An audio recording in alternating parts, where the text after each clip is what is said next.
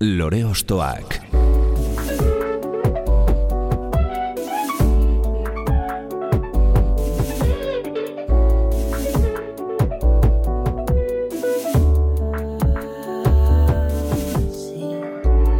Ekain perezek aurkeztuta, gonbidatu bakoitza lore bat balitz bezala ostokatuko dugu.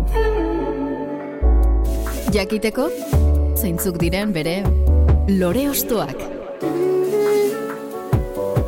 Haupa, zer moduz, ongi etorri lore ostoakera.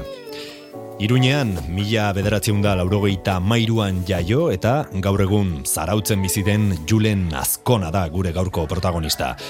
Do it yourself edo egintzazu zerorrek filosofiatik abiatuta, gitarra akustikoaren konpainian sortutako abestiak gutxinaka gehigarri edo geruza berrien alboan ezarri ditu, entzulea Dream Pop ameslari bezain malenkoniatxuaz osatutako nebulosa koloretsu moduko batean murgilduz.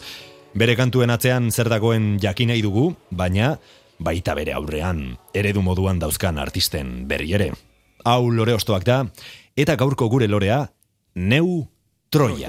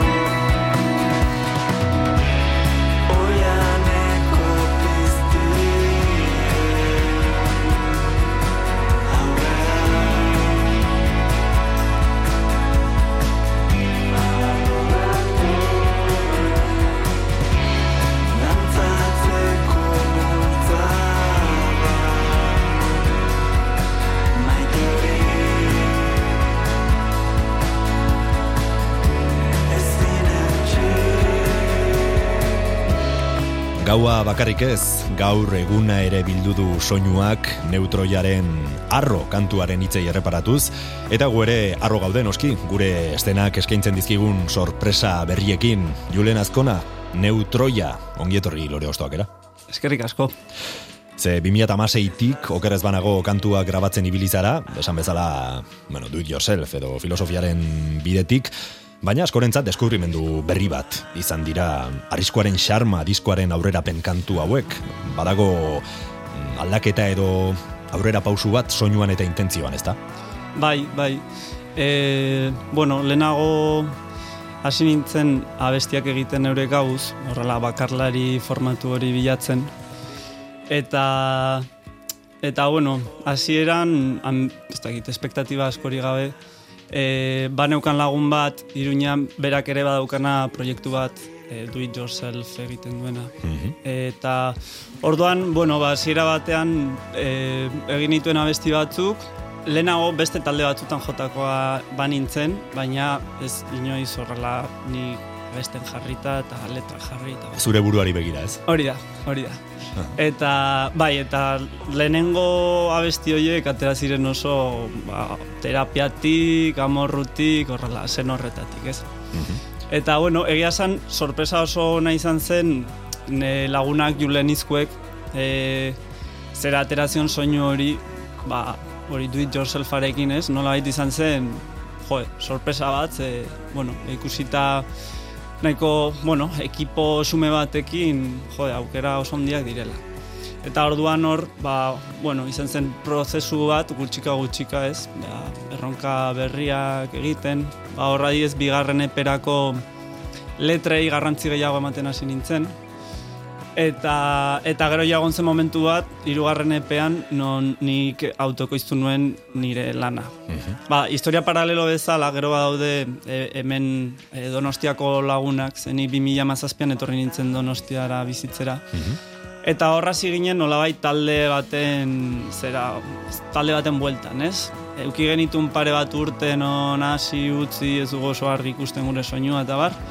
Eta gero ja, gerora, e, azkenean lortu genuen nolabait e, indar hori biltzea eta batez ere gorka gabilondotan nire artean ja osatu genuen izango zena arriskuaren sarmaren ideia hori. Egon ginen ia bi urte bere etxean gelditzen, gorkaren etxean, ba hori, egiten genuen batez ere ekoizpena. E, ez genuen ensaiatzen, ez, lokal bat. Eta orduan, behin hori ja bilduta genukanean, e, kontaktatu genuen berriro e, Xabi Matxainekin eta Iker Bazkezekin, badirela hor inguruan egon diren beste musikariak. Eta bueno, orduan ja gure asmoa zen talde formatura eramatera, eta hasiera batean ez geneukan argi ea, beste proiektu independente bat izango zen ala ez. Egia da, ba, nola nik hartu nuen gehien bat e, musikaren, letraren eta gai nagusiaren zera hildoan nik aurkezten nuen, ba, bueno, momenturen batean ikusi genuen zentzua zeukala aurkeztea, ba, ez dakit, metamorfosi bat bezala, ez? Bakarlari prozesutik, orain baliabide gehiago daude, ba, bueno, kontzeptu neutroiaren kontzeptu horrek. Kuriosoa da, ze justu hitz hori bera nuen pentsatua metamorfosi aipatu duzu, ze 2008 bukera aldera, neutroiaren metamorfosi modukorren lekuko izan gara, eta badirudi bide edo norabide berri horren erantzuletako bat, edo beste elementu bat dela, El Tigre Studios eta bertako Jon Agirrezabalaga, ez? Horrela da. Bai, guztiz, guztiz. E, bai, zera, gorka eta biok ari ginenean ja, pro- proiektu berria nolabait guztiz zerotik planteatzen ari ginen, ez? Eta bai geneukan, claro, gu ari ginen e, ekoizten etxean, baina gure asmoa ez zen soinu amaierako soinu bat lantza, baizik eta gure soinua bilatzen. Baina gero bagenekien gure proiektuak gu plantatu genuen moduan zentzua dukitzeko, bilatu behar genuela e, estudio bat gure ideia klabatu egingo ez? Behar, e, ez dakit hor guretza bazen oso garrantzitsu. Eta justu El Tigreko Jon Agirre Zabalagarekin topatu genuen hori. Bai, gure referenteak ondo ulertzen zituen, gero be- berak transformatu egin du berera, ere bai noski horri izan da pixkat e, utzi diogu. Hartu eman hori, ez? Hartu eman hori, gu konfiantza osoz, eh, eman diogu, eta, eta aldi berean, ba, bueno, horregon gara. Aurreko urtean grabatu genuen, apirilean, eta hori. Eta izan da, berarekin e, lan egitea oso, oso esperientzia ona, bai. E, guk ere bageneukan, askotan proiektu hauetan mugitzen gara esperientziak bizitzeko eta bageneukan gogoa horrelako esperientzia bat bizitzeko eta izan zen txapo. Frogan jartzeko zuen burua, ez? Nola? Bai, bai, bai, bai.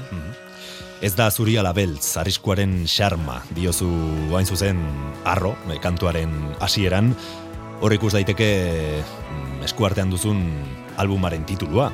Zer dago ideia horren atzean? Arriskuaren xarma, arrotasuna, e, oianeko piztien aurrean arro datorren dantzatzeko bultzada horren atzean. Bai. Hori da, em, bada, es, esango nuke esperientzia subjektibo batetik sortutako irudi bat ez, e, ez dakit.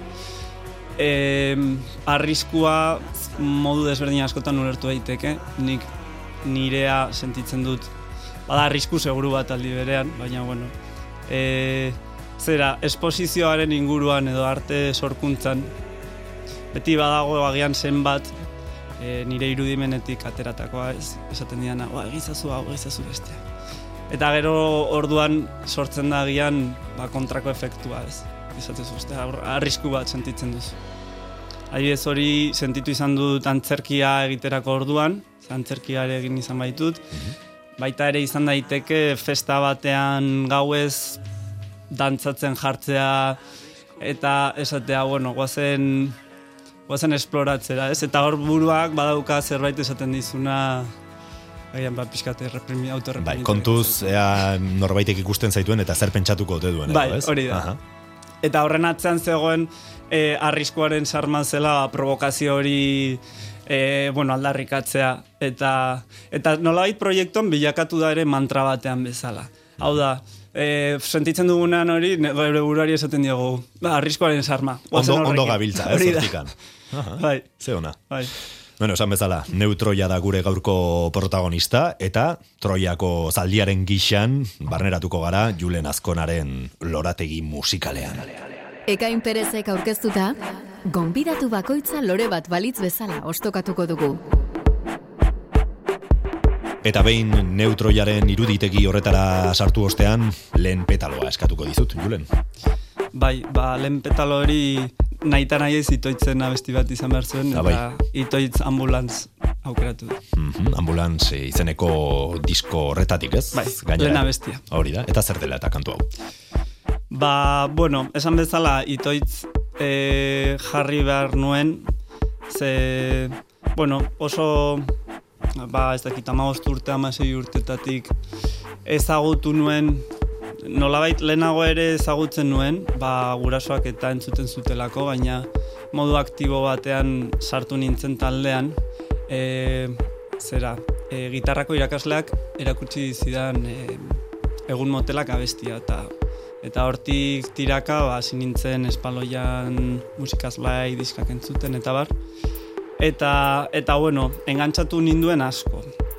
Eta ekartzen dudan abesti hau, e, berezia egiten zait, ze lotzen dut egoera batekin, ba, ez dakit, pixkat anekdotikoa da, baina garai horretan e, hartu nion gusto handia entzuteari diskoak gauez e, lotara joatean. Bai, paneukan hor disman bat, bueno, nahiaren azena, baina Erentziaz edo jasota. nion. Ebatxita zuzen. Aha. Eta hori, eta mm, eta hori, juten nintzen lotara musika entzuten, eta e, ba, bueno, disko honek bereziki gogoratzen dit momentu goxo hori. Ze badauka, ez dakit niretzako itoitz lotzen dut asko gauarekin eta e, zera neoizko argiak bazterreko jendartea edo horrelako zerbait. Eta mm, gogoratzen dut zera disko horiek zera gau entzuten nituen bitartean ba normalan lotan galditzen nintzela. Eta ez dakit momentu polita iruditzen zait e, disko entzuten ari zaren bitartean eta erdilo gelditzen ari zaren tarte horretan nola sartzen den musika. Eta e, ez dakit interesgarra iruditu zitzaidan ba, oroitzapen horrekin lotzea. Baita hori polita da, ze, bueno, nik egin izan dut, askotan egin izan dut e, ariketa hori, eta batzuetan, ba, lo geratzen zara, eta hor jarraitzen du diskoak, ez? Eta, edo zure subkonstientean edo entzuten ari zara, edo ez Bai, dakit, bai. askotan pentsatu izan dut. Agian ametxetan, mm, gero, ni oso txarra naiz ametxako goratzeko, baino, agian ametxetan musika hori entzuten ari zara, ez? Eta Bai, hor zaude sartuta itoizen munduan kasu honetan, ez? Oso historio, bueno, ez dakit nola esan, eh, kaotikoa edo kontatzen du, ez? E, ospitale batean, edo, bueno, Bai. e, koman, erroman, edo izjoku hoiekin, ez? Oso fonetikoki oso erakargarria den kantu honetan. Bai, egia esan, itoitzekin gertatu zait letrak ez dituala sekulan ulertu. Hau da, e, harrapatzen ditu nor, ba, esaldi sueltoak hortik eta hemendik. Baina, bueno, gehien bat, e, musikak biltzen ninduen, ez? Eta, eta hori, e, bai, ez dakit. E, letren kontua, esango nuke niregan gerora etorri zela. Hasiera batean, betidanik entzun dut musika bere ustasun horretan. Mhm. Lauro gehieko amarkadara eramango gaituzu bete-betean, itoiz eta Juan Carlos Perezen lana geure ganatzeko, eta badago hemen, aipatzen duzu, ba, musikan mm, oinarrituz zarela, ba, hau azpimaratzeko edo ez, e, badago zura atmosfera edo lehen aipatutako nebulosa ameslari horrekiko nolabaiteko gertutasuna, ez? Bai. Kantu honetan, eta, bueno, itoizen, e, oro gara, ez? Orokorrean. Bai, bai, ze zakit bada gainera abesti hau e, nola diskoko lehenengoa den, zera ja entzuten duzu eta bakizu e, zera dari bat hartzen duzunean nola lehenengo tragoa den hola zaporetxuna, Bai, bai. ez? Ba, badaukat hor, le- lehenengo abesti horrek eramaten ja mundu horretara, kolpe batez, eta sentitzen dut barruan horrelako nostalgia ez dakit, nostalgia nebulosiko bat, ez dakit hori izango da. Bai, hor daude gitarra mm, zera elektrikoaren arpegio horiek nastuta akustika erritmiko horrekin, gero baude horra hots emakume baten ahots batzuk horrela nahiko baita ere ze, nahiko aske gustatzen zait hori e, rockaren esentzia li, liberadore hori ere hor presente edukitzea, baina nolabait e, intensidade hori jeitsita edo intensidade Bai, hori bai. kolokatuta ba, beste toki batean. Mhm. Hori interesatzen zait. Zezuk, hitzak idazterakoan, konkrezioa edo metaforak e, nahiago dituzu. Mm, normalean, esango nuke, a ber, fase desberdinak eduki izan ditut. Ko, metaforak ez nuke esango, bereziki. Egia da, garai batean narratibara jotzen nuela gehiago, baina narratiban gertatzen zitzaidana da entzunaldi desberdinekin iruditzen zitzaidan azkarrago gastatzen zela. Mhm. Zer, azkenean bazen, ba hori, ipuin bat, Bai, eta... ikusita duzun film bat bezala, bai, ez? hori da. Eta orduan, bilatzen nuen gehiago, e, adibidez disko berriko letrak, konkretuak dira, baina aldi berean difuminatuak. Baina ez dira metaforikoak, dira gehiago irudiak. Edo sentsazioak, Hanik bai lotzen dut abesti bakoitza kontzeptu batekin, baina ez dut metafora bezala. Bai, ez dago argi eta garbi esan edo, bueno, interpretaziorako margen hori badago, baina ez da metafora, metaforekin egindako mm, hitza, ez? Ez, eta kasu honetan ere espazioa utzi nahi diot entzulari bere esperientziekin betetzeko, ze bestela izango zen autofikzio gai. Bai. Falta den puzlearen pieza hori entzuleak jardezala, ez? Dena Hori osatzeko. da. Balio badio. Laro eta zazpiko diskoari izena ematen dion kantua da esan bezala, ambulantz, eta bertako giro ero bezain eder horren atzetik jarriko gara, ondarroa eta mutrikura bidean neutroiaren eskutik entzungo dugu, itoiz. Eta ni jarri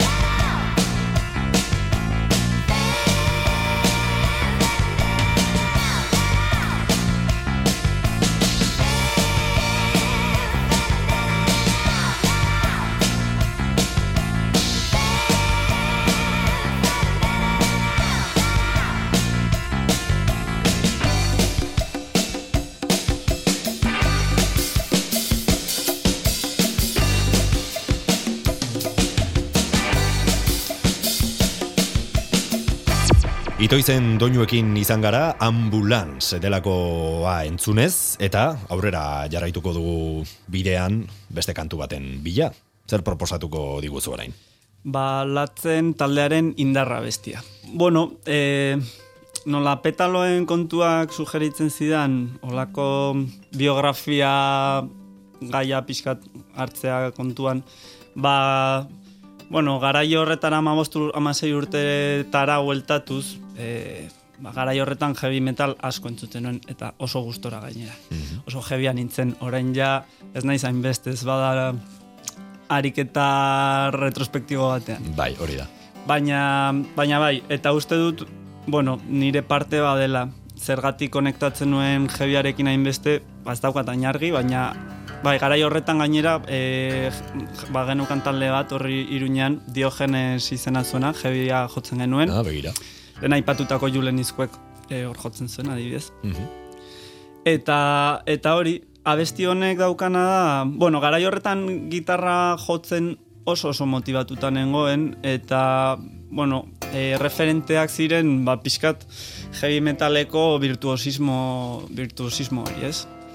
Eta, eta abesti honek ere daukana gustatzen zait instrumentala izate horretan ba, zati asko dituela eta niri hori asko gustatzen zitzan. Rock progresiboa ere asko entzuten nuen garai horretan. Eta, bueno, e, abestiak indarra izena du, eta nik uste dut hori zela ge- gehien bat sentitzen nuena, ez, e, olako taldetatik, eta latzen iruditzen zai zentzu horretan disko hori e, mundiala dela. Baita ere egon nintzen zutagarren abestiren bat jartzen pentsatzen, baina jo, goratzen dut abesti honek asko unkitzen ninduela. Hasieratik amaieraraino. Ze badaude gitarra batzuk direnak oso virtuosoak, baina aldi berean oso melodikoak. Eta hori balorean jartzen dut, ez? Virtuosismo utxal bat zitzaren hainbeste interesatuko. Baina unkitu egiten nindun, eta gainera polita da, ze asko entzuna daukazunean, badakizkizu gitarrak dituen giro guztiak, eta, eta ez dakit hori oso sentsaziona da. Kuriosoa aipatzen duzun hori, ez? E, virtuosismoak askotan eramaten gaitu ba guztiz arlo tekniko batera eta e, galtzen da sentsibilitatea edo hori ez zaizu interesatzen, esan bezala, baino honek badu bai sentsibilitatik eta bai, Bai. virtuosotik, ez? E, bi, bi aurpegi hoiek elkartzen dira edo uztartzen dira eta horrek sortzen du beste eskaintza bat, ez? Eta hazen musikari puskak gainera, ze Bai. nabari da, noski, virtuosismo hitza esan da, eh, musikari kaskar batek virtuosismotik ba, eh, zaila du erakusteko ez, baina izugarria da. eraku- Bai, eta duten- soinua, e, soinua oso ona da, grabaketarena. Nahi dute mm, gogoratzen diate hori, garaian entzuten ditun Metallica eta konpainiaren diska batzuk okerrago sonatzen dute. bai. Eta une horretan Euskal Herrian gainera bai bai izan zela agian Euskal Jebiaren eh, puntu gorena edo, bueno, Bai. Jebi asko agian esango didate orain okernagola, baino Bai. baino bueno, em, agian merkatura begira edo ba arera sozialki bai, ba em, arera onago A- edo anitzagoa izan zuen ez eta eta zuk aipatu bezala Sutagar, eh, bueno, Asgar, Bai, Latzen eta talde asko zeuden eta bueno, latzenen ba, e, kontzientzia la infernua disko hau ba, gara hartan sekulakoa izan zen, largoita amaseian kaleratu zen. Bai, bai. Pasada denbora, eh, urtik. Bai, bai. ja doble bomboak ez beste entzute, baina hemen traia dago, eh. Ah. Bai. Trash eta heavy metalaren Euskal Herriko ikur esanguratsuenen artean dago, esan bezala latzen taldea, askok lastana baladarekin identifikatuko dute, baino noski, kantu hori baino askoz gehiago zen latzen, eta batez ere musikari bikainez osatutako taldea zen. Horren adibide da, kontzientzia la infernua, mila bederatzen da laurogeita amaseiko diskotik entzungo dugun instrumental hau, indara.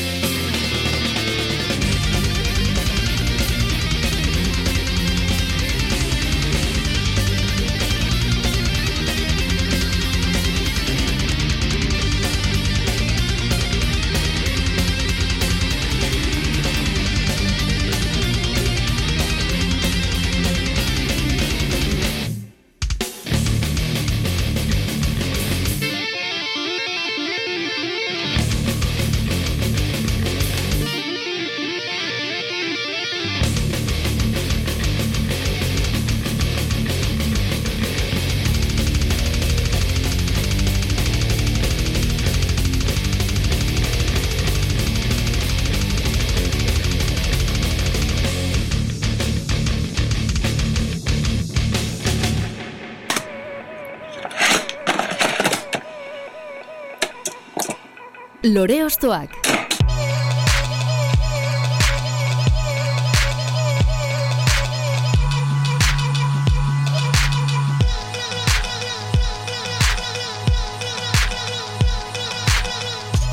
Latzenekin gogortasun eta sentsibilitatearen arteko muga birtu oso horretan ibili ostean, beste norabide bat hartuko dugulakoan nago, ez da Julen?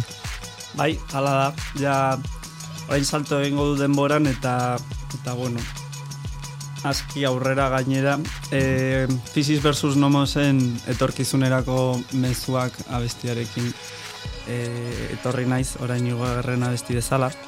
Eta hau ja, e, konektatzen dut, bueno, ba, zebanengoen azkenan nire bezaro inguruan, eta orain e, 2000 mazazpian donostiara etorri nintzenekora. Bai. Eta, eta bueno, ba, garai horretan, ezagutu nuen, hasi nintzen ezagutzen, hemen donostia inguruko estena musikala. Eta, bueno, e, neutroia taldeko beste partaideak, e, zera Gorka Gabilondo, Xavier Matxain, justu bi horiek lehenagotik ezagutzen nituen, eta horatzen dut disko hau oparitu zidala gorkak CD, CD-an. Eta san zidan, eh, hau pojo hau entzun beharra dezu, eta eta bai eukizuen impactu handia niregan diskonek, saudade fatal. E, ze izan zen nolabait, ba, bueno, euskal musikarekin konektatzeko modu berri bat niretzako, ze ikusten nion eh, ez doka mairu garaiko kantautoren kutsu hori, baina oso nireak ziren erreferentziekin. Ze ba, bat zeukan horrela, bueno, do it yourself e, zera hau zeukan, grabaketa aldetik, psikodelia, soft psikodelia moduko hori ere nahiko presente dago. Eta gero ere, bat zeukan, badauka, e, ez dakit horrelako musika herrikoi zera hori, ez? danan astuta pizkat ere gure gizaldiaren krisi existentzialen ikuspuntutik atonduta. Bai, eta eta hori, gogoratzen dut, ba, justu abesti hau, zela niretzako ba, diskosoan e, hipno edo ere zerki moduko hori. Zera, e, gogoratzen dut entzuten nuenean, esaten nuela, jode, abesti hau, eski izan beharko luke, ba, hori ez dakit, e, zera, ba, lauaren e, txoriak txori horrelako abestiak, bezala, e, gizaldi horretarako hipno bilakatu zirenak, nik nahiko nuke gure gizaldiak e, abestia hartzea eta mitifikatzea, ez? Bilakatzea, ba.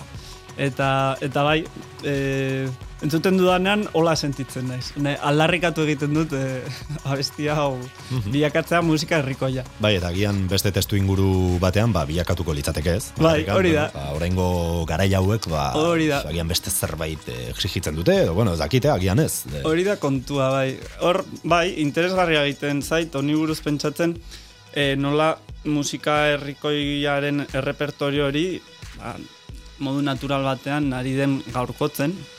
Eta ez nola, bueno, orain sartzen diren abestiak, ba badaukate agian beste kutsu batzuk, ez? Eta, bueno, ni pixkat ere, jo, kritikoa ere agertzen naiz, ba, bueno, ez dakit, zergatik ari den hau, zergatik gertatzen den modu honetan, eta zergatik ezin dugun zenbait gauza e, berriro hartu. Aukeratu duzun kantuaren tituluari erreparatuta, gaurko errealitateari argazki bat atera, eta etorkizunerako mezuak ustea izan daiteke abesti bat egitea, ez? Bai, guztiz. Bai, kasu honetan ez dakit e, norentzako idatziko dituen, nik askotan nire buruarentzako idazten ditut, edo oroigarri bezala ere bai. E, batzuetan ere tatuajeak bezala dira bestiak. Egia. Eta orduan, bai, ez du zentzurik ez baduzu uste etorkizunean entzungo dituzula, ez? Ah, kasu honetan oroigarri bat ere izan daiteke, orainaren penuria horietaz. Baina tantxustegiren proiektua da, Fisis versus Nomos, eta soiltasun horretatik edo txikitasun handi horretatik, hainbat doinu eta esaldi azpimaratu daitezke. Esaterako, jaiotzea aukeratuko bagenu, zenbat egongo ginateke bizirik, ez? Zer pentsatu ematen du, ez? Hori oso oso nada, bai. Pentsatu nahi nuke denok onartuko genukela bizitzaren erronka, Bai. baina, claro, tesitura horretan jarrita realitate ezberdin asko daude, ez? Baina, Bai, bai. mm, zer bai, pentsatu ematen du? existenzialismoaren kutsu hori baita ere. Garai horretan bereziki jo ninduena, ez ja musika planotik aratago, ez beste filosofia, plano filosofikotan eta bar. Eta bai, e, hori, bai, ikusten nuen oso oso konektatuta. Eta baita ere aipatu nahiko nuke Donostian ezagutu genituen beste talde batzuk garaian nik ezagutu nituenak Pelas eta Madeleine aipatuko nituzke batez ere. Eta anekdota bezala e, oso gogoan daukat zera Gorka eta Xabirekin plantatu genuenean neutroia berriro talde bat zeuki genuen aurreko saiakera bat. Baina berriro esan genuenean, jo, guazen harrapatzera berriro eta beste modu batean. E, asteburu horretan ikusi genuela ostiralean e, Fisiz Zumaiako gaztetxean eta larun batean Pelas Zarauzko gaztetxean Ah, eta begira. izan zen asteburu primerako bat asteko proiektu berri bat. Bai. Ba, entzun dezagun, Physis versus Nomos eta 2006ko saudade E Fatal diskoko abesti hau. Etorkizunerako mezuak. Etorkizunerako mezuak Musika zotuei hesi Hipokondria eta natofobia Biekin bizitzen ikasi Jaiotzea aukeratuko bagenu. Zenbat egon goginake bizirik Partekatzen dugun mundu honetan. Elkar lagun duala konpeti Boro bilean gaude jarrita Propaganden mugeiagur Maiz erresonarazi denitza Elkarrez izan edo galdu. Ergela bai da elkar jotzea Janaria ahotik kentzea Zintzoa garela pentsatzea Laguntza behar dugunean Lo egitea usten ez digun Bizitzeko eskema honek. Lagunen artean borrokatuz Poltsikoak bete paperez Gizartea kartea jadaztu Dogma lagun bihurtu gaituzte Gauzak modu batera izan badira Ez dugu zertan horrela segitzen. Gorrotatzen ditu erregeak Arkia mota guztiei agur Bizitzera etorri bagera.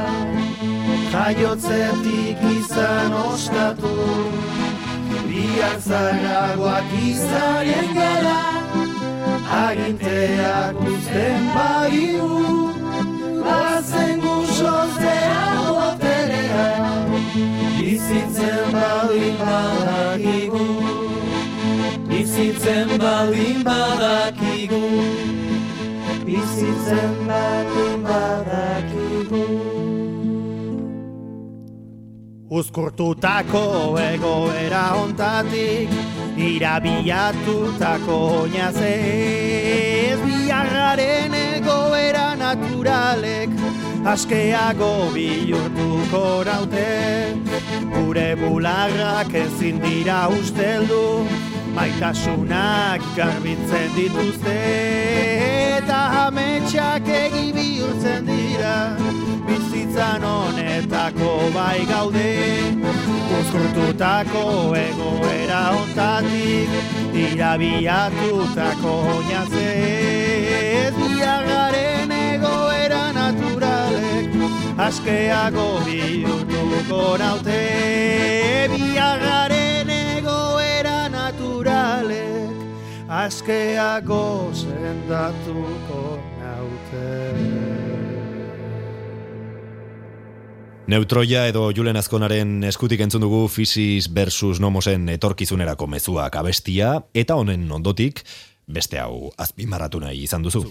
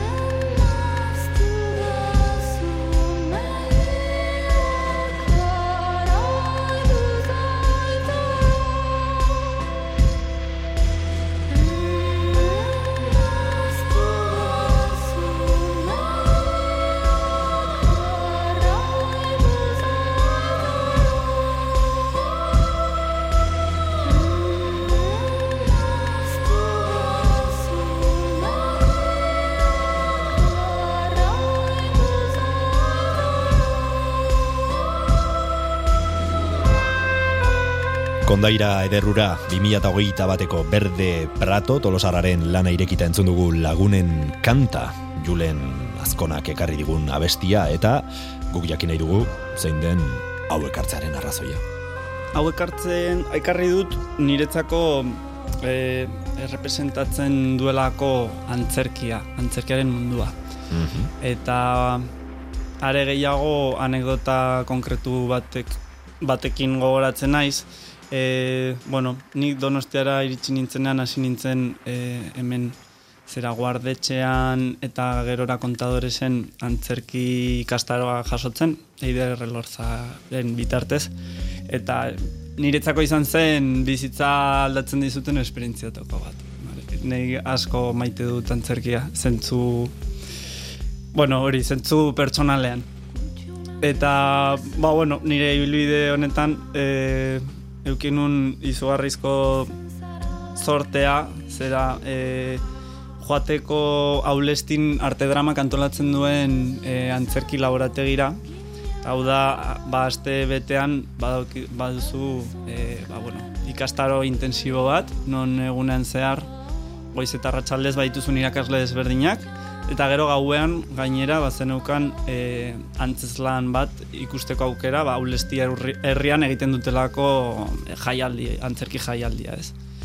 Eta, bueno, oso esperientzia intenso eta unkigarri izan zen. Gauza horiek asko baloratzen ditut. Eta ikusi nuen Berde Prato e, disko hau jada ezagutzen nuen, baina harreta ditu zidan nola irakasleak e, bariketak eta zera jartzeko ikusten nuen Berde Prato asko jartzen ari zirela. Ah. Eta horrek e, ireki zidan olako beste dimensio bat e, musika, bere musikaren inguruan eta bueno, Berde Prato bera ikusten zuzenekoan, ba ikusten dut nola berak ere Mugimendu hoiek. eta- Hori da, nola esplotatzen duen, zera egiten gauza bat super txikia, edo bakarri begirada batekin, buah, oso oso handia bilakatzen da. Eta hori, e, iruditzen zait, berez musika daukala horren, osea, ez dakit, potentzial hori musikatik datorrela. Bai, ze musikak badu errealitatea janzteko botere hori, ez? Bai. Pentsa, bueno, e, filmaren mm, adibide askotan jartzen dut, baina zer litzateke film bat musikari gabe, ez? Bueno, Bai. izan liteke, ez? Zerbait interesgarriak eta egongo dira gauzak, Egiten da. baino, baino noski, orokorrean e, musikak pff, da potentziadore moduko bat, ez? E, Bai, se- bai. sentsazioena, Bai. azken finean e, horrek ematen dizu ba, beste dimentsio batera eta esaten duzuna. Kantu hau entzun eta mugimendu mota bat, edo ja, zerbait konkretua esaten dizu, Bai. ez? Edo asko dago horratzean, Asko dago, zer sentitua, ez zer... ulertzen oso ondo baina asko dago. Mhm. Eta gainera oso iluna da, eta hori abesti hon- hau bereziki iluna egiten zait, Hori da. eta hori ere musikan garrantzitsua da. Ez, nik adibidez ez dut, bueno, lehenago agian abesti ilunagoren bat edo egin dut, abe- musika oso iluna ateratzen zaidanik, baina hala ere gozatzen dut. Bai, ze badu Ana Arzuagaren ahotsak eta musikak misterio puntu bat orokorrean, eta beste honetan bereziki esango nuke sakontzen duela sentsazio ilun horretan, ba, laguntasuna izpide hartuta, ez? bai, Kasu bai, honetan. bai, bai. Eta badauka ere zirkensetik zerbait musika Baita honek. ere, egia da. Doorsekin gogoratzen dit zentzu horretan. Mhm. Pixkat nola le, le, eh, le freaks eta horrelako feriako mundillo hori. Mhm. Bai. Laguntasuna aipatuta eta nolabait kontrapuntua topatuz, zuk nola daramazu mm, nolabait eh, bakarkako bide hau naiz eta badakit ba, jende zinguratuta zauden, baino ba, e, zuzeu zure epaile izatea edo zure beldur eta pozak e, norbanako gisa irenste hori.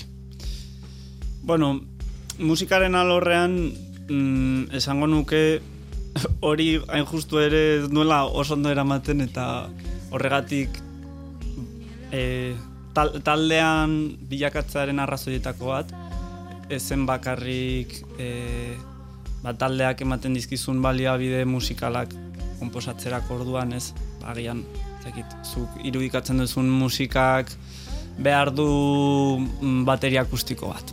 Orduan, ba ez dakit, ezin dezu hori beste modu batez bete. Baina baita ere, e, prozesu guztia elkarbanatzea lagun minekin, segure kasuan taldean dena gara lagun minak, ba oso garrantzitsua. Eta eta ez dakit, e, atzera egiteak kostatuko litzeak ez, e, ze bueno, nik bere momentuan e, bueno, ez baiak sortzen dizkizu askotan prozesuak. Adibidez, kontzertuak egitarekin oraindik badaukat pizkatoria asignatura pendiente bezala. Eta zalantza, zalantza hoiek baita ere, depende nolakoa zaren, esan nahi dut oso obsesiboa baldin bazara, edo, edo dena helakoa, ba, bueno, eraman zaituzte pixkat e, burua osasun mentala galtzera. Eta orduan, bueno, badu meritua bakarrik joteak.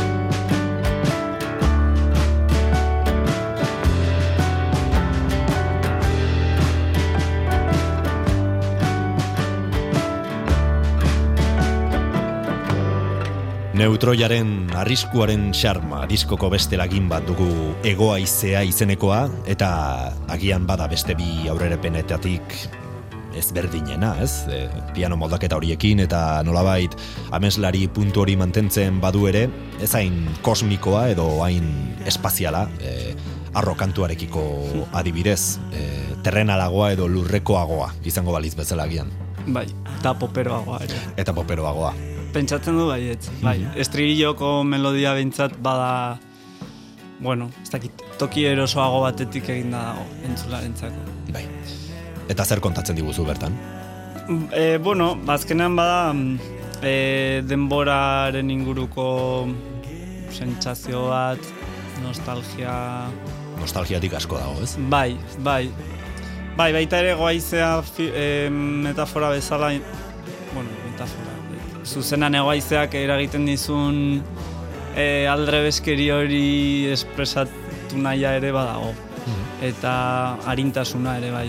Ez dakit. Azkenean bada pixkat e, mm, esango nuke mezua izango zela. E, azkenan orainean bizitzen sartuta zaudenean e, mo- modu jostalari batean ba, bapatan denborak aurrera egiten duela ez. Eta igual batzutan esaten duzu joder, zenbat ez dakit, ba, izan daiteke harreman batean edo joder, eta esaten duzu "Jo, zenbat urtera ez, ez, ez naiz konturatu. Konstiente izan gabe? Bai. Eta eta bueno, pixkat hor e, irudi horrekin esaten den zein ote da sentsazio honen izena. Eta gero ba pixkat momentu horri garrantzia kenduz bezala edo e, orainera bueltatu nahi horretan ba ez ez ba, egoa izan hemen da, ez, ba, pixkat oraineko sentsazio batek e, konektatzen zaitu berriro eta Errealitate honekin. hori da, eta joan dadila denbora berriro Mhm. konturatu gabe. Kantu oso atsegina da, esan dugu badugu pop kutsu hori, baino mm, esan dezagun piano riffaren e, lehen basu notak badu puntu aztoragarri edo ilunago bat, e, disonantzia konkretu bat, guztiz edertasun naif hori besarkatzen utziko ez balio bezala. E, intentzio bat dago autu horretan edo besterik gabe gustuko zenuen metapuntu. Ez, ez, badago intentzioa, bai. Ba- Are gehiago, hasierako bueltan uzten dugu bakarrik melodia.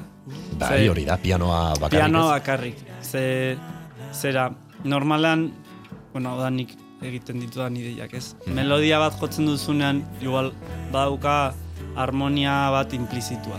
Bai, zuk buruan imaginatzen bai, duzuna, ez? hori da. Eta batez ere interesatzen zitzadan abestia entzuten duzun lehen esperientzia horretan. Nola igual hori entzun da, zen izango zen efektua, hau da, zuk imaginatuko zen ah, barre maiorren dago, baso Bai. maior, re maior, horlako zer zer konsonanteagoa.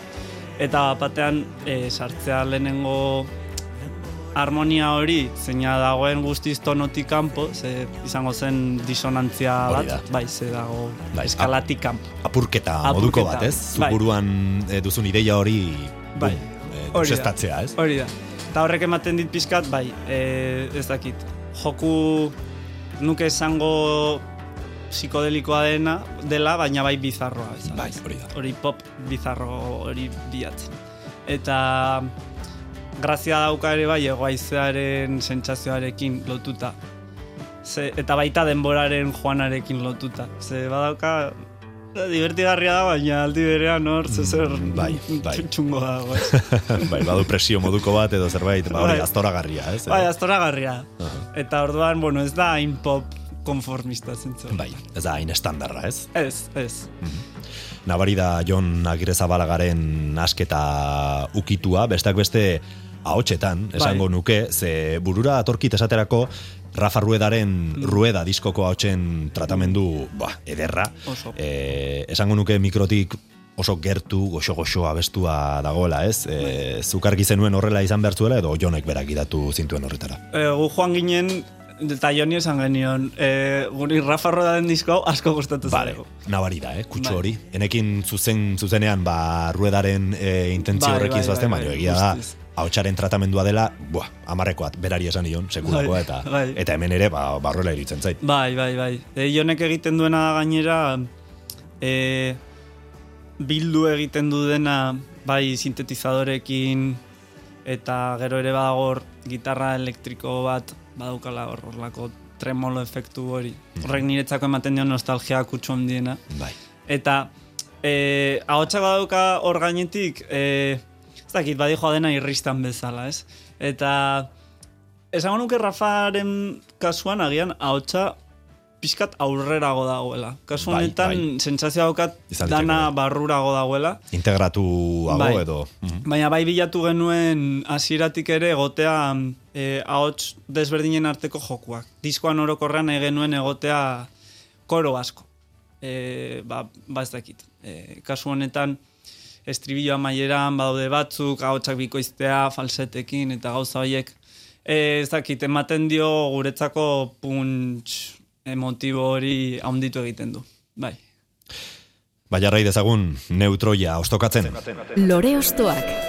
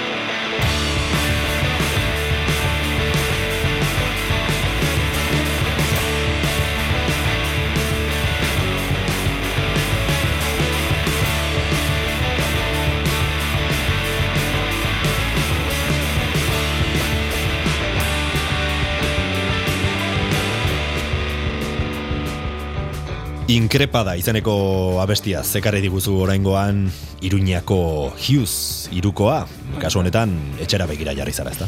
Bai, bai, bai. E, bai, kontatu nahi nuen pixkat historia, ba, bueno, Hughes taldeko hiru partaideak nire kuadrillakoak dira, Ah, bale. baina la ere lagunak izan da ere, esan nahi dut, e, ekartzen dut musika gustatzen zaidala. Ez da favore bat egitea. Ez da favore bat. Eta, bai, kasu honetan, e, kontua da gainera, Hughes taldeko Markel eta Julenekin, Julen, iz, Julen bateri jolea da, lehenago aipatu dan Julen izkue. Bai. Berak badauka e, proiektu pertsonal bat, hanlak izena du. Eta, ba, konfinamendu garaian, atera zuen, e, bueno, pandemia garaian, ez dakiz ezkin noiz, e, atera zuen disko berria, eta disko hori jotzeko e, egin genuen, bueno, talde bat osatu genuen. Eta, bueno, hor jo nuen Markelekin, eta Julenekin, eta bar. Eta, bueno, aipatu nahi ditut, e, talde hau aipatu nahi dut, ba, badaukalako rock alternatiboaren kutsu hori, e, nik bereziki Julenen bitartez jaso dudalako. ez? Sakondu duzu horrez. Bai, bai. E, Julen niretzako izan da oso figura e, referentzia garrantzitsua musikan, ze artista izateaz gain baita ere izugarrizko gustua dauka eta beraren bitartez ezagutu dut musika asko eta asko e, orain egiten dugunaren oso funtsezkoa dena, ez? Eta gustatzen zait e, ba bueno, bai Hughes nolabait sortu zen momentu horren ondoren eta eta ez dakit eraman dute nolabait rolloa beste norabi batean, baina nik nahi dut sentitu lotura hori daukagula, ari garela pizkat e, bueno, atmosfera alternatibo indie horren bilaketa batean. Gure kasuan mintzat horrela da. Eta iruditzen zait e, egiten duten rolloa lortu dutela Euskal Herrian oraingoz e, bakarrak izate. Mhm, Bai, oso freskoa da, eh? Nik Bai. ezagutzen, egia esan behar dut, baina Bai. entzun dudanean, ba, sorpresa hartu dut, eta Bai. zait oso, oso soinu freskoa daukatela. Bai, gero haiek eh, nola e, sortu ziren iruñan egon zen estandaren bueltan eta bar, ba baita ere jarri dira harremanetan horko beste taldeekin, bat atxersekin eta bar harreman hona izan dute. Ze bere momentuan ere atera zuten lehenengo epean, ba, loturak eh, entzun zituzten. Ze zeukan ez asko laro gaita garren amarkadako rock alternatibotik, baina baita ere bazitun horrelako zera e, Thatchersen kutsu batzuk, Bai, handik bai, eta bai. mendik.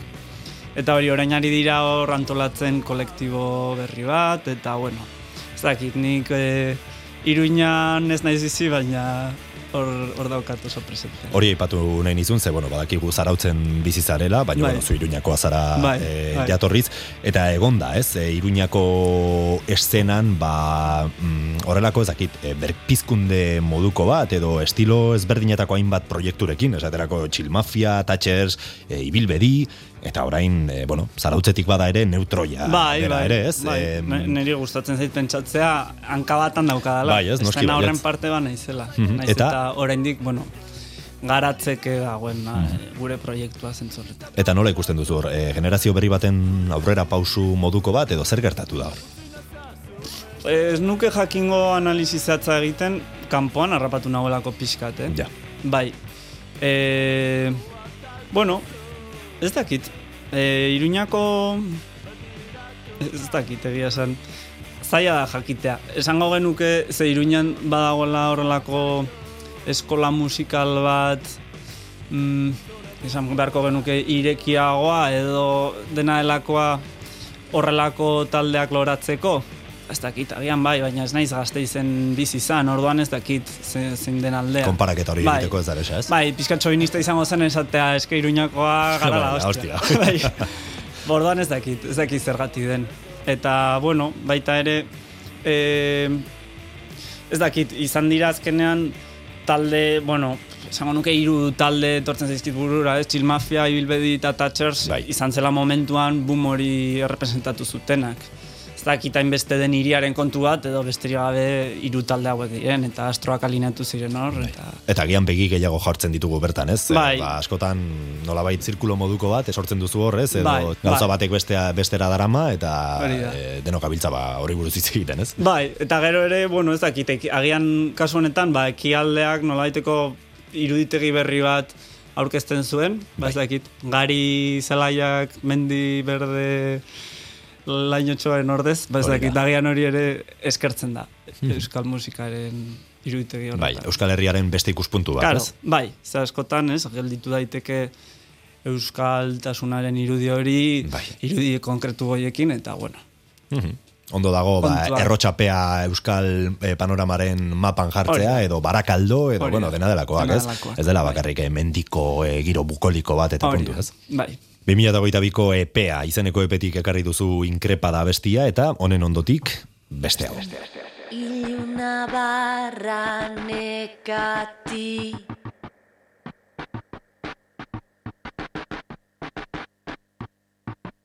Itzalez margotu begibi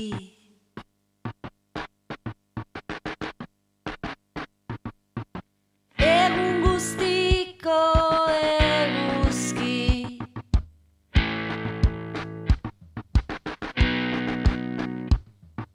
Zure pela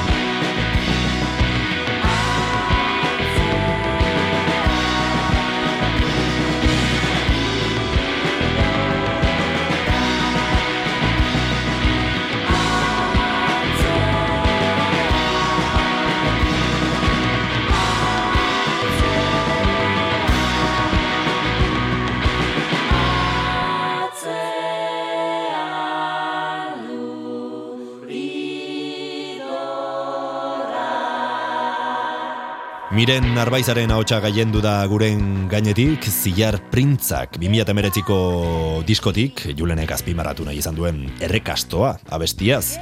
Beste artista erraldoi bat, denboraren poligrafoak kontrastatutakoa, eta zure iruditegi horretan Julen, zer esana duena ez?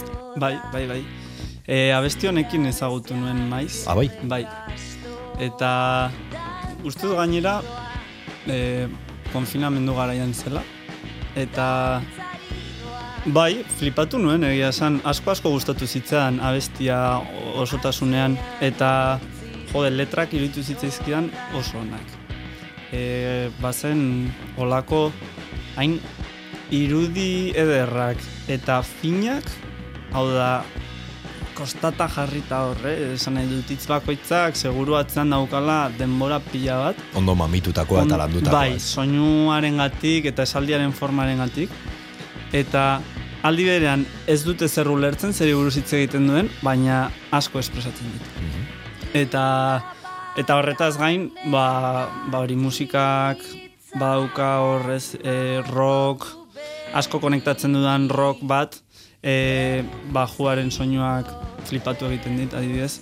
Eta hor dauden, ez dakit, e, bateriak, badaude elementu batzuk, e, olako arpegio batzuk horratzean, e, bai, iruditu zitzan izugarrizko abestia. Eta grazia egiten dit, e, bere garaian, orain burura etortzen zaidan irudia bat da, e, ni etxean e, sartuta, ba ez dakit, seguru aski larun bat gau bat izango zen, eta edan nituen pare bat zerbeza, eta dena ematen nire gelan, Hau entzuten. hau entzuten. eta gerora aurreko urtean e, EHZ festivalean ikusi nuen eta abestia jo zuenean sentitu nuen horrelako zera zizare zulo bat momentu horrekin bakizu. Ze ona. Bai, eta eta ez dakit, baina hor ja bazen beste historia bat, ez? Bai, bazen nolabait momentu horretan desiro nuena hor eh, gertatzen ari zen eta eta ez dakit, irudi polita iritzen zait. Eta bai, beti izan naiz oso zera kontzertuetan egia esan rock zalea handia naiz. Publiko bezala oso rock zalea naiz. Eta iruditzen zait em, maiz ba, e, hori badagoela Euskal Herrian eszena oso mm, aberatsa eta oso berezi esango nuke. Nahiko nuke aldarrikatu zentzu batean hor dagoen e, tortzen zaizkit burura ikusi ditugunak eskasko gozatu kontzertuetan. E, kaskezur, maiz, mm, borrokan, irazokin, oren eroni, lisabo, ez dakit azten ari zaizkit batzu seguraski. Baina, Bai, bueno, hor badago ekosistema bat. ekosistema hori, gaina ikusten dut, ba, a, e, bai, baita Joseba Belenoarrena ere asko mm genuen. Eta, e, ez dakit, badago mimo berezi bat, ze gainera denak, bueno, ba, nola daiteko soinuan eta eta baita ere partaidetzak nasita dituztelako. Bai. Hemen Eh, bertan, maizen, ez? Bai, bai, hori da. Aipatu duzu borrokan, aipatu duzu Joseba Belenoar, bueno, ba, Bai. hortik doaz, ez? Bai, e, topatzen dut zerbait, esango nuke e, ez dudala beste inon topatzen. Hau da, benetan hemengo soinu bat egongo balitz bezala, rokekoa.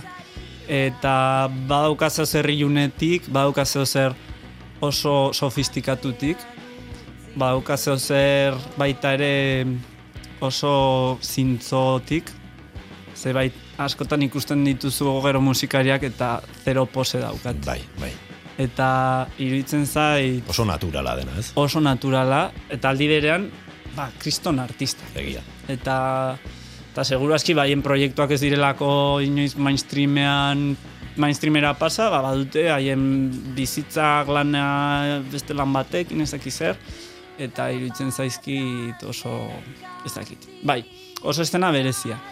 Eta baita ere konektatzen dit pixkat publikoaren e, bai nire zaki, publikoa izate asko gustatzen zaidalako eta uste dut e, horrelako rock kontzertuetan oso gauza divertigarria gertatzen direla publiko artean, ez? Egia. Bai, eta mm, baita ere ardura bat e, kontzertuak ondo joateko publikoak badaukala ere parte aktibo bat, ez? Sortzeko, nik uste dut bai, lehen hasieran kontatzen duen arriskoaren sarmaren ideia horri tiraka e, publikoak badaukala hor aukera bat kreatiboa izateko eta pixkat bere mugak esploratzeko.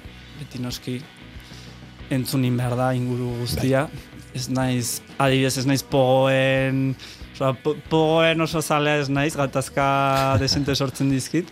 Baina gutxienez e, giroa sortzea, hori azkenean musikariak elikatzen dute, eta kontzertu bat ez iruditzen bakarrik dela estenatoki gainean gertatzen dena, ez? Bai. Komunidade sensazio Bai. hori bezala sortzea, Bai, ez? hori da.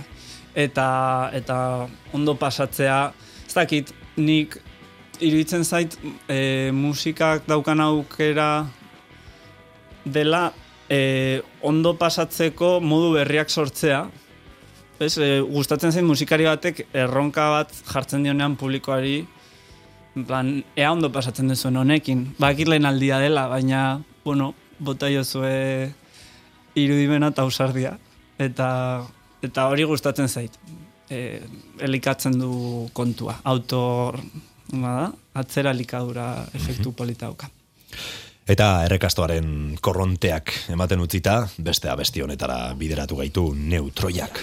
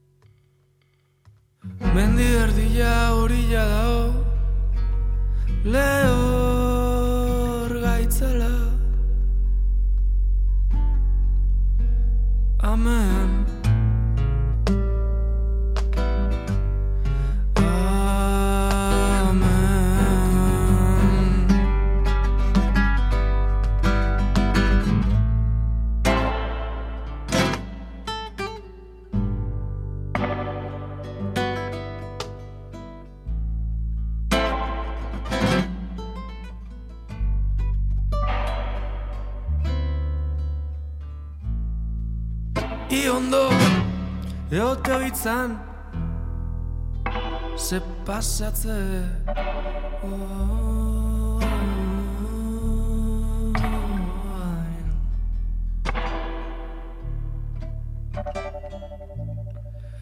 I ondo Eote hoitzan Ze pasatzek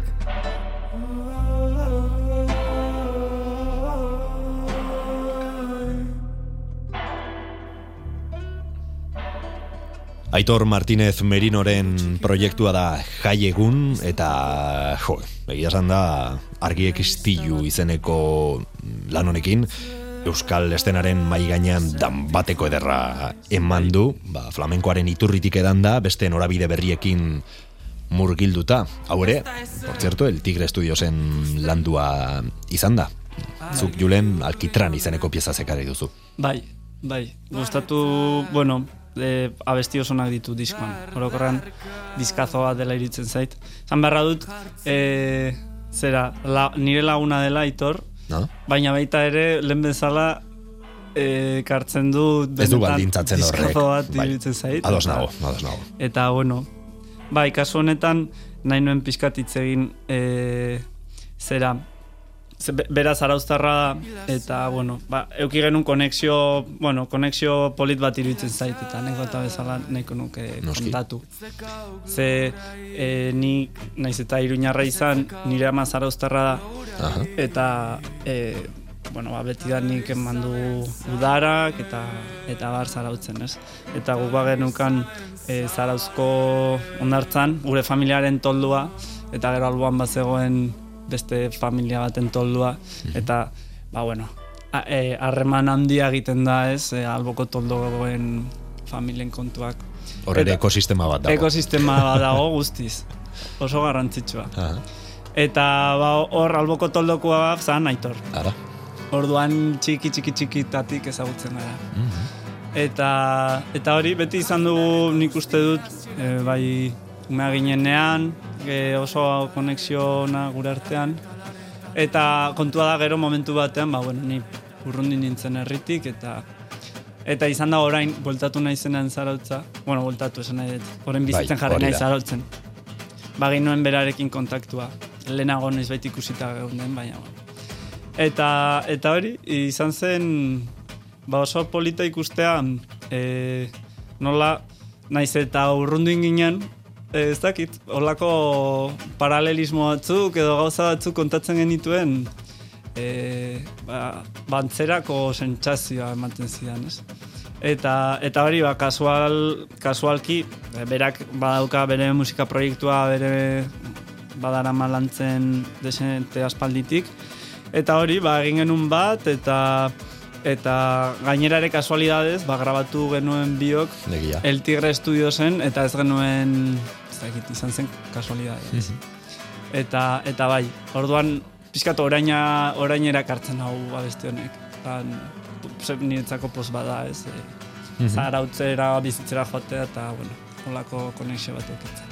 Beti gaude gure panorama honetan proposamen berrien zain, zirrara horrekin, baina hau proposamen berri eta berritzailea da gainera, guztiz proposamen bakarra. ez? Bai, bai.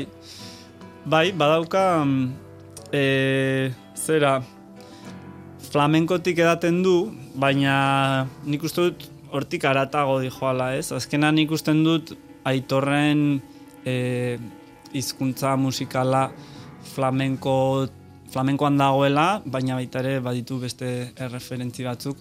Eta ez da saiatzen ari flamenkoa egiten baizik eta ari da bere bestiak egiten. Berak ikasi zuen bere garaian Granadan, eta hor ba, badakite ikasi zuela, esan dut flamenkoa aktiboki ikasi egin zuela. Naiz eta gogoratzen dut, e, hori baino lehenago ere, berak bazuela Bai, hitz egiten genuenean eta bar e, ondartzan, ba, si, bueno, Silvio Rodríguez, ez daki zer, baina bazekan horrek kutsu bat, bai.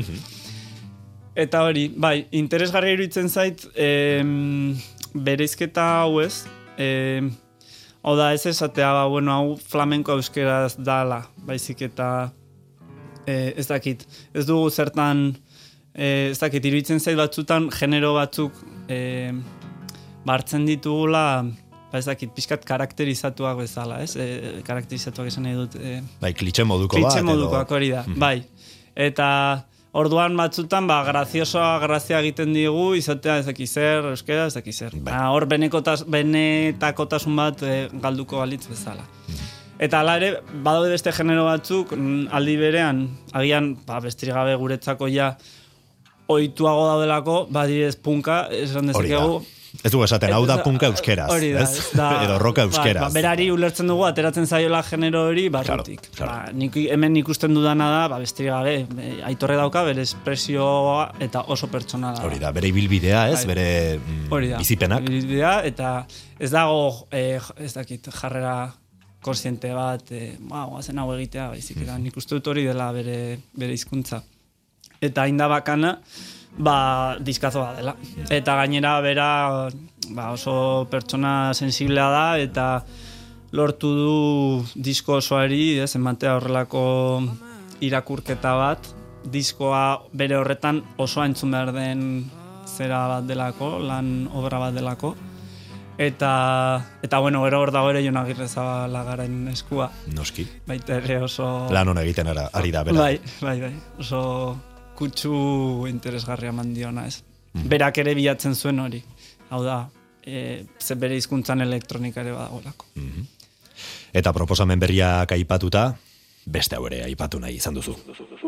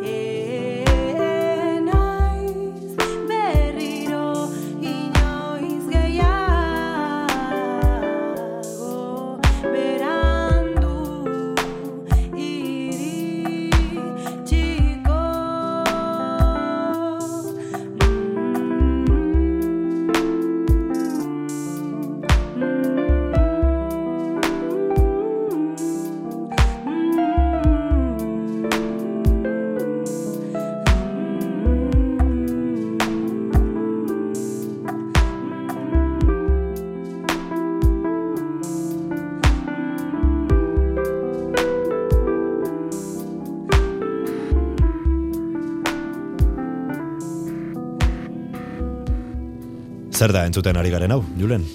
Ba, hau muare taldearen urrengoan abestia da, duela gutxi kaleratu duten e, diskoko abesti, abesti berriat.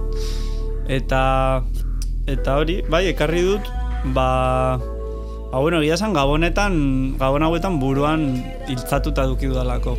Da bai. Eta konpainia ona izan da, bai. Bai, ze, bueno, gabonetan... E, Badu giro intimo hori, ez? Bai, etxeko, ez etxeko sutondoan egongo konponotza, bazina bezala, ez edo. Bai. Ni jarri nien gainea, ze, bueno, a ber, ezagunak dira, ze, e, badira balio dute kolektibokoak. Vale. Eta gu... Zu bertan zaude. Bai, hori da. Bai, eta talde orokorrean, Bai. neutroia proiektua barruan dago. Eta hori, komentatu genien eri gogoratzen dit badakizu e, YouTubeen badagola lo-fi Bai, bai, bai, irratia, bai, bai, bai. agertzen dela manga irudiko. Hori da, hori da. Bai. Eta hor, orduak, egon Bai. zaitezke hori entzuten. Bai, agertzen dela ikasten eta Hori da. Ba, entzun nuenan esan nuen, joder. Eta jarri nien olako post bat eh, jartzen nula e, irudi hori eta musika hau. Ez esan nuen, ga, gabonetarako perfecta. Bai. Eta gainera badauka gozotasun hori eta ez dakit, e, Bai, guztiz. bai, onirikotasun hori, bai. Okerez melankolia. banago, eh, koban taldeko Maili Gerriko eta Elisabete Beraza musikarien proiektua da, ez da? Hori da, hori da, bai. E, badaramate ja urte edo bi urte horretan. Eta hau da atera duten lehenengo diskoa. Eta hori bai, proposamen... Ba, bueno, proposamen hau nahi nuen pixkat e, komentatu beste proposamenen artean ba, kolektiboari buruz hitz egiteko. Noski. Azkenean ere, ba, gure oraina delako, zen dut neutroiaren oraina kolektiboaren barruan ikusten dugulako, oso proiektu, bueno, oso eskertuta gaude proiektuarekin, e, ba, azkenean hor daude aipatu izan ditudan Physis versus Nomos, Pelas, eta beste talde asko niretzako bere garaian erreferenteak izan zirenak, eta orain ba, bueno, ari dira talde proposamen berriak aurkezten, ba, besteak beste Ginger taldeak atera du azken lana balio dute barruan, nakarrek ere bai, pelasek disko berria atera berri du, eta bueno, ba, ez dakit, proiektu ilusionagarri da, ze azkenean lagunak gara, hau da, ez dugu, ez dakit, gel, esan nahi dut, gelditu iten gara, ba, lagunekin gelditzen zaren moduan, ez? Baina, bueno, erronkak jartzen dizkiogu ere buruari, eta ari gara ikasten, eta, bueno, ni egia esan, e, ez dara maten beste, esan nahi dute, mm, bi mila hogeita batean sartu nintzela uste dut. Baina hori, bai, Ba, bueno, interesgarria da ez dakit, etorkizunak zer ekarriko dion kolektiboari, baina uste dut donostia aldean e, bide batez esan da, horre pare bat, bueno, kulturari begira egon, egon direla pare bat kolpe, eta, ba, bueno, saiatuko garela ez dakit, e, gure aletxoa jartzen, ez bakarrik kultura zen nahi dut, hiri eredua bera, ba, bueno, ikusten ari garelako zen horabitean joaten ari den, eta ba, alden moduan aletxoa jarriko dugu, ba ez dakit, iriara gurera ekartzeko ere bai ez. Ekain berezek aurkeztuta, gonbidatu bakoitza lore bat balitz bezala ostokatuko dugu.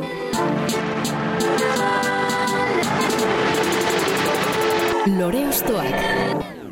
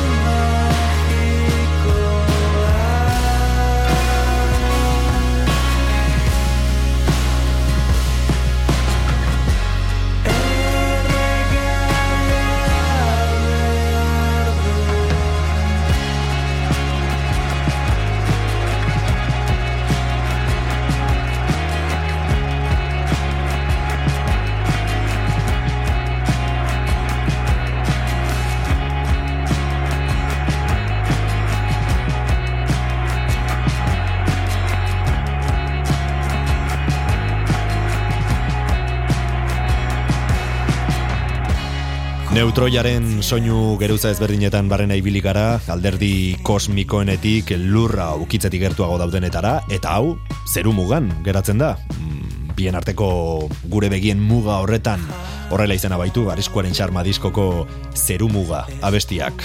Zer kontatzen diguzu hemen? Ba begira, nola aurkezpen politori egin diozuna bestiari lotu ingo eta aurkezpenarekin. Ze azkenean e, zerumugak pixkat, bueno, fantasiaren fantasiari buruz hitz egiten du ez. Eta justu hor fantasiak sortzen du gatazka bat ba, lurraren eta zera kosmiko Ah, egia, egia. Orduan gu lurrean gaude eta bueno, e, fantasiak badauka bueno, ebaditze horretan batzutan oso beharrezkoa da gizaki bezala ez.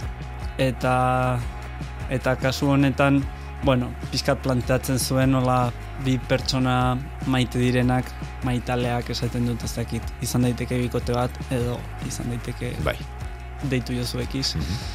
Ba, hori, elkarrekin ospa egiten dutela mundutik. E, pues, e, ba, hori, ja kokoteraino er, e, lurraren gristasun zera horrekin. Eta kontua da, e, pixkat irudia esaten du egunero egunero ies egiten dutela, ez baien arteko harreman horretan e, ba funtsa delako pixkat ies egitea. Eta eta hori, kontua da ba horrek baita ere gatazkak e, e, ekartzen dituela. Arriskuaren txarma hori, ez? Hemen ere. Bai, hori da. Orduan fantasia hori momenturen batean sinestu egiten dute eta erabakitzen dute ospa egiten dutela. Baina, bueno, hor sartzen da balurraren gravitate indarra eta... Errealitatik ezin ies egin Hori guztiz da, ez edo. eta horran, bueno, ba, parrez hartzen dute. Hau da, haien, ba ez dakit, dena daukagu hauskortasun hori, ba, e, gure fantasia eta metxak, ez dakit nahi bintza gertatu zait. E, sinesten dituzula gehiagi eta momentu batean, esaten zu, mesedez, Bai. ze palurra. Jarri oinak lurrean, ez? Bai, bai, Baina, bueno, Bai. ze, zeinen ederra den amestea eta egan egitea. ez? hori da. Aldugunean mintzat. Bai, hori da. Eta aldi berean, ba, zeru muga zen irudi polit bat, ze ezin dezu zeharkatu fisikoki inoiz, ez? Egia. Orduan, hor dago. Beti aurrera doa, ez? Zu aurrera Claro, bazoaz, zu ere. zoaz, eta bera dijo aruntza, osea, realitatetik ezin za eskapatu. Mhm. Orduan, bueno, ba, pixkat, hor dago, puntua. Eta nola sortu zenuen abesti hau edo orokorrean nola sortzen dituzu? E, gitarra akustiko batetik ikasten zara, hautsarekin abestuz edo zein izan hori da? Normalean prozesua edo konkretuki kantu honetan, zeru mugan. Bai, e, normalan akustikan Ba, gustatzen zaigu, orain gogorkarekin plant- planteatu genuen dialektika bat zen akustika, eta gero sartzea efektu elektronikoak. Eta hor, e, zera horretan, kontraste horretan ikusten genuen gure soinua, hortik zijoala. Hori arron ere ikus daiteke, Gero baude beste abesti batzuk, ba ez ez, adena ez delako beti formula berdina sartzen. Eta matematika. Ez, ez da matematika. Eta, eta kasu honetan, e, bai, badira kasu honetan gustatu zitzan asko gitarran ba, afinazioa pixkatukituta sortzen duzu olako a, abestia gitarraren oso simplea da. E, Guzten dituzu soka batzuk airean afinazio konkretu batekin, eta horrek egiten du denbora guztian nota batzuk egotea hor e, jarraian. Oinarri bezala, ez? Oinarri bezala. Koltsoi edo Hori da. bat. Eta gero hasten zara goitik basutan kintak egiten, e, direla ba, akorde basikoenak, ez? Ez dago ez major, ez menorrik da, besterik gabe tonika eta kinta. Eta hor e, akorde bakoitzak basu zera, fondo horrekiko hartzen du harreman berezi bat. Eta orduan asko dauka istriputik, ze ez dakit ez duzu aurre ikusten ah, justu omen Bai. efektu hori eukiko dula, baina hori ba hori jotzetik e, hor ba ikusi nun ba hor zer zegoela, ez. Eta esango nuke soinu hori bai dela neutroiaren esentzietako bat. Eta eta hori, gero e, egin genuena zen fondoan dauden nota horiek nolabait pasatu elektronikara. Eta ez da berez melodia bat, da atmosfera bat daudela nota horien inguruan bueltaka ez. Eta orduan nebulosa efektu hori eta gustatzen zait e, sortzea zeo zer estatikoa dena, baina aldi berean mugimenduan dagoena e, denbora guztian, ba, laku baten gainezala bezala. Ez. Bai. Bueno, ba, guadi egongo gara, eh? Ze, zure, zure edo zuen kantu, kontzertu edo edo nolako eskaintzen zain. Julen Azkona, neu Troia, plazera izan da lore ostoaken zu ostokatzea, eskerrik asko gurekin ba, denbora, kantu eta zure ideiak konpartitzagatik. Eskerrik asko zuei, e, benetan ondo pasatzeko gogoekin etorri naiz eta uste dut bete dugula. Ba, posten naiz nik ere primeran pasaut eta disfrutatu dut. Bai, Beraz, jarrai dezala neutroiak luzerako. Ondo Eskerrik izan. asko, bai. Eta zuri entzule besterik ez, urrengo atalera arte agur esatea besterik ez aitik geratzen. Ez, neutroiaren zeru muga entzuten bukatu arte. Honekin, bagoaz, eskerik asko beste behin, eta urren arte.